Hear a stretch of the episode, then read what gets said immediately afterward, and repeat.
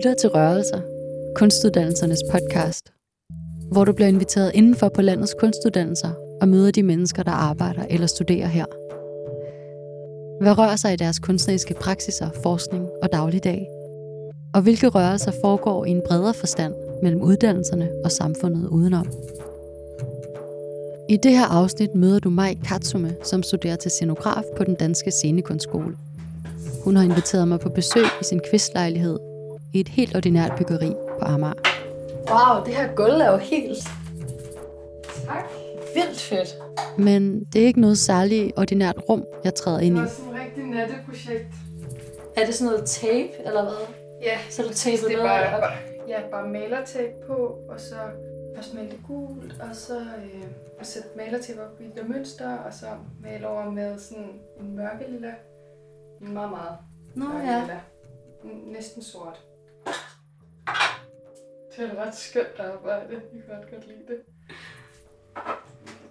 Men vil du sidde lidt, eller... um, Ja, jeg tænkte på, om vi bare Ja. skulle... Altså, vi kan jo sidde på gulvet eller et eller andet Ja, optag. det er sagtens. Maj går på sit tredje og sidste år på bacheloruddannelsen i scenografi. Lige nu, så har jeg sådan et semester, som hedder selvprogrammeret periode, hvor man ligesom selv stykker det sammen. Og hvor jeg sådan lidt arbejder på sådan tre projekter. Det ene er min udveksling på filmskolen, hvor jeg laver et computerspil, som jeg er art director på.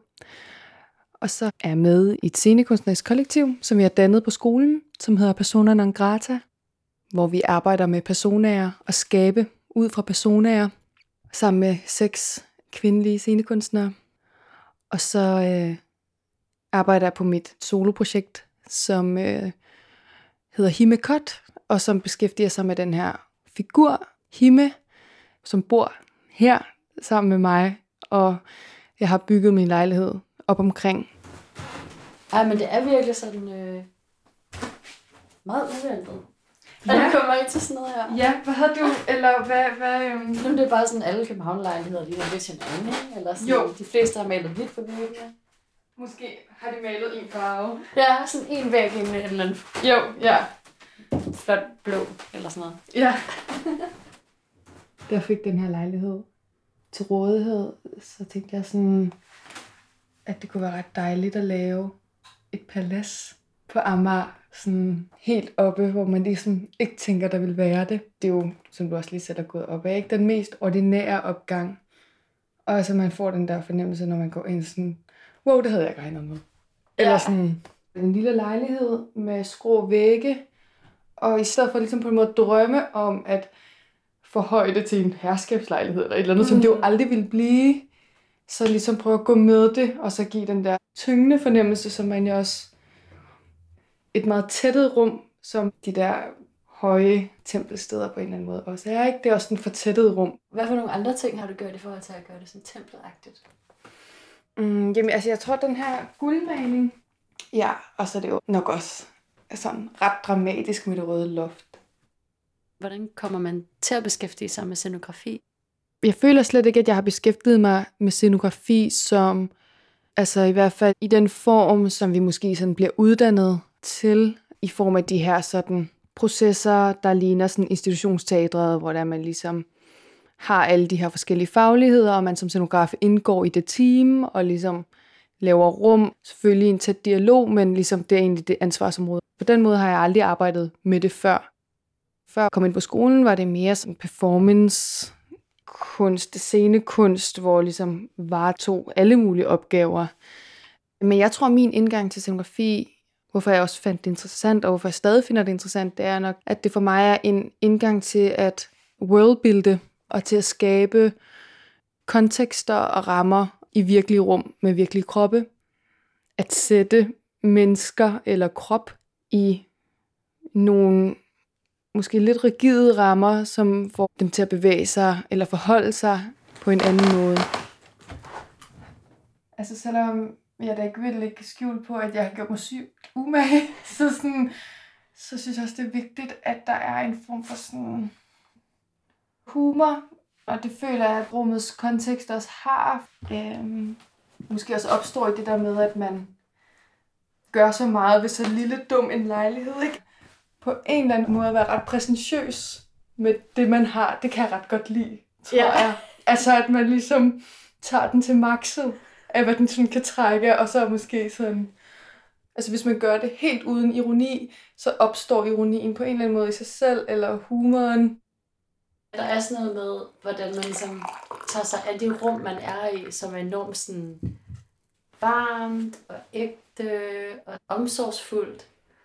Og så er der et eller andet med sådan bare at overgøre det meget, som gør det sådan lidt wacky. Ja, ja, lige præcis. Der er også et eller andet ved det her rum, som også er sådan dybt ubehageligt at være i. Det er mega mørkt, og det er sådan konfronterende i sine farver, og det er også ret dramatisk. Det er på en eller anden måde dejligt at flytte det der, at tage sig af, som du siger, de rum, vi har, i stedet for, at de skal tjene os på en eller anden måde. Vi også på en måde kan tjene dem. Altså sådan, vi er også bare et møbel i et rum, og vi er bare et levende møbel, ikke? Og i stedet for, at det ligesom skal sådan behage os hele tiden, så er det også det er dejligt på en måde at være i et rum, hvor man behager det. Så får man ligesom øje på sig selv på en anden måde. På den danske scenekunstskole bliver vi jo ofte bedt om at beskæftige os med dramatisk tekst som en præmis. Og der er worldbuilding i den forstand at opsætte nogle nye præmisser, nogle nye rum og nogle nye rammer for den her tekst. Eksempelvis så var jeg med til at opsætte Medealand her i vinters, hvor alle roller, alle karakterer ud over Medea, bare de her mannequin-hænder. Øh, det er faktisk dem heroppe. Der var tre skuespillere, der skulle skifte karakter virkelig mange gange. Og hver gang de skulle skifte karakter, så tog de et par nye hænder op. Og hver gang de gik ud af karakter, så slap de dem ligesom Sara Stridsbergs gendækning af Medea handler ligesom om et system, der ikke vil hjælpe hende. Ja, et system, der egentlig er til for at hjælpe, men ikke hjælper de hjælpeløse. I løbet af den her forskning, så var der måske 60 par hænder, eller jeg ved ikke, hvor mange gange det skiftede, og langsomt kunne man bare se flere og flere og flere hænder på gulvet. Og så var jo sådan det her symbol på, at hver gang hun prøver at gribe ud efter en hånd, så slap skuespillerne ligesom deres hænder, og så stod hun bare tilbage med de her hænder. Det er både en mulighed for en skuespiller for at forandre sin krop og blive mere en dukke eller en figur end et varmt menneske, eller hvad skal man sige, også at flytte sin empati, altså også en maskefornemmelse. Men det er også en måde for os som publikum at forstå, hvad vil det egentlig sige, ikke at hjælpe, og at se i et billede alle de mennesker, der ikke hjælper med det det vil jeg på en måde sige, at udskifte en skuespillers hænder med et par mannequin-hænder, den præmis er en ny præmis for en verden, og der bliver man nødt til at forholde sig til, hvordan man vil bevæge sig, og hvordan man kan bevæge sig, og hvad det betyder i interaktion til andre mennesker. Så har jeg bare stjålet dem her for forestillingen. Det var de flotteste. det er også lidt scary på en måde. De er så scary. Forestil dig, at de ligger sådan ud over det hele. Og der kommer bare flere og flere det er også meget sjovt, altså man bliver lidt træt som publikum af at se det, tror jeg. Sådan igen taber de hænderne, ikke? Det er meget kraftfuldt første gang, og de næste mange gange er det sådan, der bliver man irriteret. Men det synes jeg også er en spændende følelse på en eller anden måde at generere en eller anden form for irritation. Og måske i virkeligheden også, at det er en af de største pointer, at man på en eller anden måde bliver immun. Vi hører jo så mange fortællinger omkring vores system, der ikke er tilstrækkeligt. Vi bliver immune over for det, og det er måske også den følelse, man på en eller anden måde får i løbet af en, af en time, at man ligesom ikke, nu kan man ikke orke at se det greb igen og igen. Det er måske også der, hvor man ligesom, okay, men hvis du ikke orker at se det mere, så må du ligesom komme ind i kampen selv. Jeg ved ikke om dig, der lytter med, har et billede af, hvordan det her rum ser ud. Guldlilla mønstret gulv, mørke, skrå guldvægge, rødt loft, og så en vindueskvist med to barstole af metal, en stabel ukurante trækasser i det ene hjørne, og en babuska i selskab med en vinkekat. I modsatte hjørne en mørkebrun kommode med måske 40 små æsker i forskellige størrelser, og et tørklæde lagt ud med halskæder og øreringe anrettet. På min anden side, på en gennemsigtig og puslig puff, ligger der to sorte parrykker. Det startede med, at jeg ligesom vidste, at jeg ville lave et rum her i den her lejlighed. Jeg havde en fornemmelse af, at det ikke var til mig selv. Det er ikke til mig privat, men jeg kan sagtens tåle at være her privat. Og så opstod den her persona, fordi jeg øh, fik hænderne i en sort paryk. Og da jeg sådan begyndte at tage den på og bevæge mig med den, så kunne jeg ligesom se, at der var sådan en anden form for forskydning mellem mig selv og den her persona. Og øh, så har jeg samlet flere og flere ting herind til, som jeg ligesom... Det er ikke privat min smag nødvendigvis. Jeg ved ikke, hvad min egen smag er egentlig, men jeg vidste bare, at det passede til det her sådan, univers, der er herinde. Og det var noget, som jeg fandt ud af, at hun kunne bruge. Projektet hedder Himekot, og dækker over den her traditionelle prinsessefrisyre. Øh, hime betyder prinsesse på japansk, og Himekot er den her frisyre, som de her prinsesser får klippet. Og det kommer af, at øh, jeg er altid blevet kaldt prinsesse som barn, eller Hime af min japanske side af min familie, selvom jeg egentlig aldrig har følt mig særlig prinsesseagtig. Og jeg tror også, at der er en eller anden mærkelig irritation inde i mig om den der dobbelthed mellem, at man jo både har det grimme i sig, men også gerne selv vil være smuk, men også super forfængelig, men man har også øh, virkelig ulækre sider, og den sådan transatlantiske prinsesse, som jeg føler, hun er, fordi hun på en måde lever både med sådan ret karikerede japanske ting, og ligesom har japanske øh, genstande, som jo også er mine egne genstande, sammen med det her sådan på Amager i virkeligheden, ikke? Den sådan meget elegante enspænder prinsesse, ligesom hende, der er her. Hun udforsker ligesom i meget, meget simple handlinger en hverdag, som man får indblik i i virkeligheden gennem mere eller mindre lange sekvenser på Instagram. Dukker hun ligesom bare nogle gange op. Og jeg kan bare godt lide enormt hverdagsagtige handlinger gjort på en ret absurd måde, og det tror jeg også er hendes berettigelse, at hun på en eller anden måde peger på det rituelle, elegante, smukke, samtidig med, at hun også gør øh, nogle ret usmagelige, ret sådan selvcentrerede ting i sin hverdag, og hvor man aldrig nok helt ved, hvor man har hende henne. Vil du prøve at beskrive en af de hverdagslige ting, som hun gør på en absurd og besværlig måde? Ja. Hun ligger i et øh, badekar. Hun dukker ligesom op fra vandet og har sådan helt vådt hår. Og så øh, kan man se, at hun ligesom skraber med en skraber. Noget, man nok ville tænke, at hun sådan intim barberer sig, men så dukker det ligesom en donutfersken op, som jo normalt også er behåret, som hun bare har taget hårene af, og så spiser hun det, og det jeg tror i virkeligheden, det er jo også enormt simpelt. Men det er en eller anden måde med sådan at tillade sig, og også ekstremt umage omkring det. Det er jo virkelig irriterende, at der er hår på fersken. Jeg ved ikke, hvem det er, der synes, de skal afle det. Eller en anden sekvens, hvor hun ligger og har gjort sig fuldstændig klar med body sushi. En japansk tradition også. Det hedder Hime Solo Night. Altså det er hendes måde at nyde sig selv på.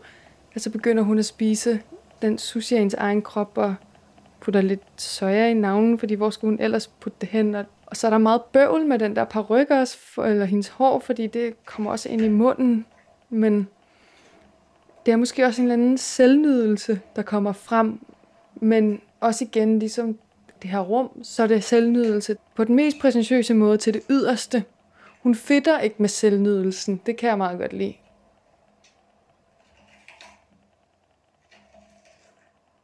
I det, jeg tager den paryk på, og den læbestift, der hører til, den maske eller det filter, som det fungerer for mig, som der kender jeg fuldstændig den kvalitet. Det er bare en måde at være i verden på, og det er en måde at interagere med elementer på. Og ofte, når jeg går i gang med noget, kender jeg ikke forløbet fra første til sidste. Jeg er heller ikke en specielt dygtig performer. Jeg er absolut ikke skuespiller, så det eneste, jeg kan gøre, det er, at jeg kender kvaliteten af den måde, jeg gerne vil håndtere fysiske objekter på. Og så, fordi det er så klart et filter, så opstår der ofte et eller andet.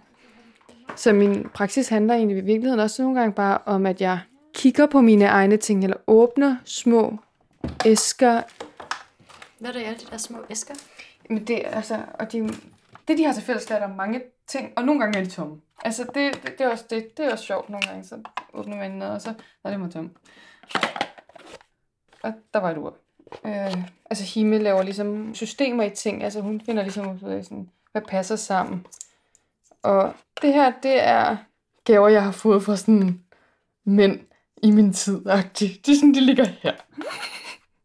Hvad er det for nogle ting?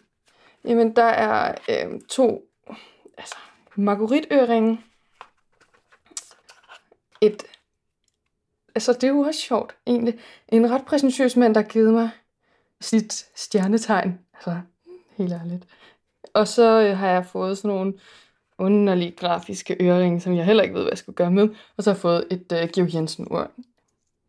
Det var sjovt at kigge på det og se, okay, det er sådan her, de ser. Det, det også en spændende selvrensagelse, ikke? Det er sådan her, de har set mig. Det tror jeg, at Hime godt kan få noget spændende ud af på en eller anden måde. det var noget, jeg ikke ønskede mig. Men det er spændende at kanalisere dem sammen, synes jeg, kan virkelig, det giver virkelig noget. Ja. Ja. Også fordi, apropos det der med at rammesæt eller worldbuild, eller sådan, det de her ting har til fælles for mig, det er, at det er mænd, jeg har elsket i mit liv, som har givet mig det, som jeg ikke elsker længere. Altså det er sådan, det er det system, det her er. Det kan også være, at det kunne være ting, som jeg har fået fra 2019, og så se ligesom, hvad det egentlig det kan fortælle. Og det her det er jo ikke nok i en kunstnerisk praksis at så udgive det, men det er i hvert fald en eller anden form for putte ting i system, og så få sig selv til at tænke, okay, hvad kunne det her potentielt sige om mænd, der elsker kvinder? Og hvad får det mig til at føle? Måske nothing, og så kan jeg jo bare lave et nyt system. Men i virkeligheden tror jeg også, at scenografi handler også meget om i virkeligheden at, at lave systemer. Det er jo en måde at se kærlighed på, kunne du sige. Når man måske tænker scenografi, Mm. øh, så har jeg ikke tænkt, at det var en paryk og et læbestift, som ligesom Nej. sådan er antændingspunkt for det. Altså jeg tror i hvert fald, at jeg er optaget af krop som et scenografisk materiale. Jeg ser ikke Himme som karakter være finere end de genstande, hun beskæftiger sig med. Og for mig, og det er nok også derfor, jeg synes, at hendes måde at bevæge sig på og håndtere ting, fordi at hun gør sig så umage på en eller anden måde med det kuraterede materiale, hun har i hænderne, så bliver det ligesom ligestillet i sin værdi. Altså normalt vil jeg nok ikke udstille en halvtom Fana Branca, men jeg ved, at jeg vil kunne, at hun ville holde af, at, øh, at det var på sådan, øh, hvad skal man sige, sådan kongepladsen i det her værelse. Ja, det er sådan Øh. lidt alderagtigt næsten, det her. På en Ja. måde. Ja, og det på en måde er det også, for mig er det måske i virkeligheden også det der med, at på grund af deres opsætning og den måde, hun behandler ting på, så har alt ligesom lige meget vægt. Altså, skårene fra en suppeterrin er lige så dyrebare som et par briller, eller er lige så dyrebare som den her øh, lille stofblomst. Og i deres sammensætning, der altså bekræfter de egentlig bare hinandens værdi. Fordi de enkelte ting har hverken affektionsværdi for mig, eller nogen kostbar værdi. Altså, de har ingen følelser med dem, men det er bare mere en eller anden bekræftelse af hinanden. De kan få lov at stå her, fordi de står her øh, i kontekst til hinanden. For mig er kroppen, det er bare et materiale i et rum, og jeg interesserer mig for kroppen som et scenografisk materiale. Det er også et materiale, som er ret besværligt, men det er også et materiale, som du kan få det til at flytte sig ret hurtigt, og det har også adgang til nogle emotioner, og så tror jeg, at det der med at skabe gennem noget andet, altså det er også det, som vi er i Persona non grata, vi seks scenekunstnere er optaget af, altså på en eller anden måde fjerne sig lidt fra sig selv, eller i virkeligheden tage et filter på, som koncentrerer, altså som vi kan på en eller anden måde sende vores energi igennem. Det er rart, at der er en eller anden form for forskydning, altså at man ikke altid kigger på sig selv og er sådan, det er mig, der har lavet det, eller det er mig som scenograf, men det er på en eller anden måde, jamen det er mig, som igennem himmefiltret kunne finde på det her, og på den måde få adgang til noget andet inde i sig selv. Det er måske også en måde at slippe noget forfængelighed på, og noget præstationsangst på. Man sender al den energi, man kan ud igennem en form. Vil du fortælle lidt om persona non grata, hvordan I for eksempel arbejder sammen? Fra faglighederne er vi en fra instruktion, lys, lyd, ledelse, skuespil, og så mig selv fra øh, scenografi. Og vi arbejder sammen på den måde, at vi har ikke et ansvarsområde, som vi varetager, som for eksempel det visuelle, eller det auditive, eller så videre, så videre. Men det er jo klart, at vi har en faglighed eller et sprog, som vi stiller fuldstændig til rådighed for de andre. Men vi arbejder sammen på den måde, at vi hver gang vi mødes, for tiden er det hver dag, så kommer vi som en øh, persona. Nogle dage er det en fælles persona, og andre dage er det med forskellige personaer. Og nogle gange dukker vi også op, og så siger vi, okay, jamen, vi har simpelthen brug for den her energi i vores arbejdsrum, så øh, nu skaber vi den her persona. Vi skaber det, vi har brug for. Hvad er det for nogle filtre, som seks unge kvinder ikke føler, at de normalt har adgang til, som de har svært ved at øh, få lov at tage. Hvad er det for nogle energier, som vi har brug for at tabe ind i, som vi på en eller anden måde ikke har adgang til privat. Og vi arbejder med ligesom tre forskellige performative rum. Det ene er selskabet, en måde vi er sammen på inden for gruppen, hvor man også altid skal komme som en persona og på den måde får en, altså sin performativ kvalitet, og vi ligesom sætter et rum, og så vi mødes ikke bare i et hvilken som helst klasseværelse. Vi kuraterer rummet, og så går vi ind i det, og så arbejder vi sammen. Så har vi aktionen, som er sådan en intervenering af det offentlige rum, hvor vi ligesom kommer ud og gør noget som de her personer, og så forsvinder igen. Og så har vi eventet, kunne man sige, hvor det er, at vi inviterer andre ind i vores kuraterede rum. Så det er ligesom tre måder, vi arbejder på. Har du en persona, som du har er gået ind, for eksempel i selskabet med? Mm. Jeg tror, jeg har to måske. Den ene, som jeg synes, som vi har opfundet, som jeg synes virkelig fungerer virkelig godt i selskabet, men også digitalt, er en, vi har kaldt The Ghost, som er spøgelset.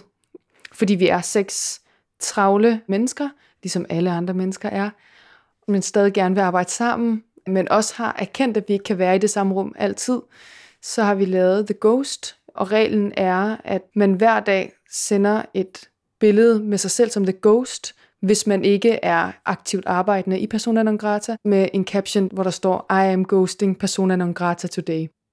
Det er ligesom ikke udskamning, men det er derimod en måde ligesom at committe sig til fællesskabet på at sige, jeg ved godt, I arbejder aktivt på det her, men jeg er blevet nødt til at gøre noget andet.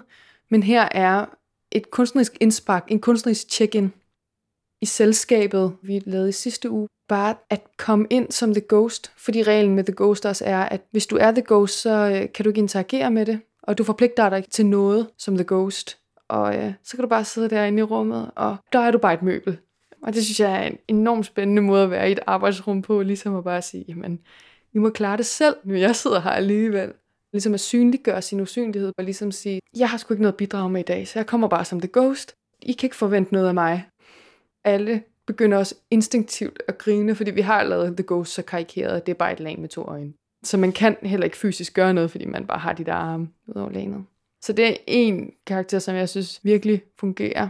Øhm, så synes jeg også, at vi har en, vi har kaldt The Goddess of Justice, som er den her gudinde, som mest af ligner en fra Asterix og Obelix.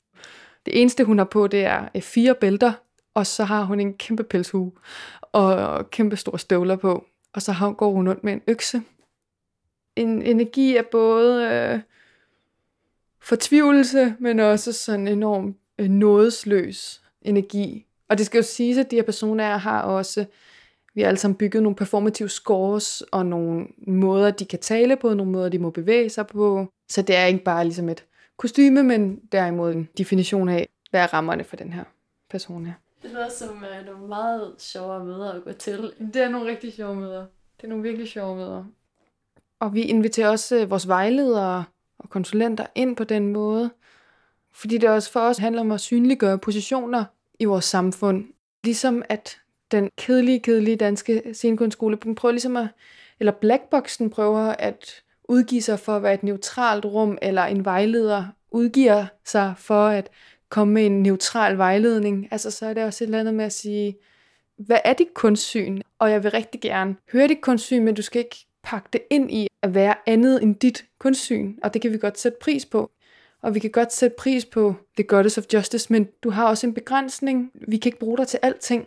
Det er også det, vi på en eller anden måde hele tiden prøver at kvalificere. Hvad skal de her personer bruges til? Hvorfor har vi brug for dem? Og hvorfor har I brug for dem? Det er ikke os, der skal opleve en frigørelse kun. Vi håber også, at andre føler, at de bliver inviteret ind i det. Hvad synes du rigtig god scenografi kan? Jeg synes, rigtig god scenografi altså flytter vores forståelse af den fortælling, eller som er øh, sat på scenen, den forandrer også kroppen. Udover at den ligesom bare er et, altså er et rum, så har den også øh, på en eller anden måde nogle, nogle love i sig. Den tilbyder nogle nye naturlove for kroppen eller for stemmen. Det kan virkelig bare være en krop, der bevæger sig anderledes med et materiale. Altså nogle gange kan en fersken kan jo være en vildt god scenografi, hvis en krop behandler det som et interessant scenografisk materiale. Den har helt klart begrænsninger, synes jeg, og den vil kroppen noget, og den udfordrer den også, men den forventer også at øh, blive udfordret den anden vej. Jeg synes, at god scenografi også øh, stiller sig til rådighed for i den grad at blive udfordret, og der kan man jo sige, hvornår er noget overhovedet scenografi, altså hvornår adskiller det sig fra installationskunst, og er det, det i virkeligheden det samme osv., men scenografi er jo i hvert fald nothing i sig selv, der skal ligesom en krop ind og aktivere den, og der hvor den ligesom sætter sig selv på spil som en medspiller, men den også kan gøre en performer til øh, en scenografi, altså den dobbelthed hvor det ene hverken overtager det andet, eller det ene ikke er en kulisse til det andet. Det er der, hvor jeg synes, at der er noget spændende.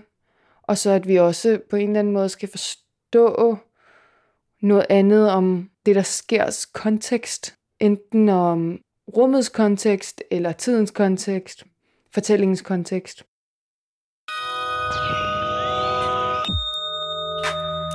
Du har lyttet til Rørelser, kunstuddannelsernes podcast hvor du i det her afsnit mødte Mai Katsume, som studerer scenografi på den danske scenekunstskole. Undervejs hørte du lyden fra en video med karakteren Hime, som du kan finde på Majs Instagram. Du kan også finde scenekunstkollektivet Persona Non Grata på Instagram.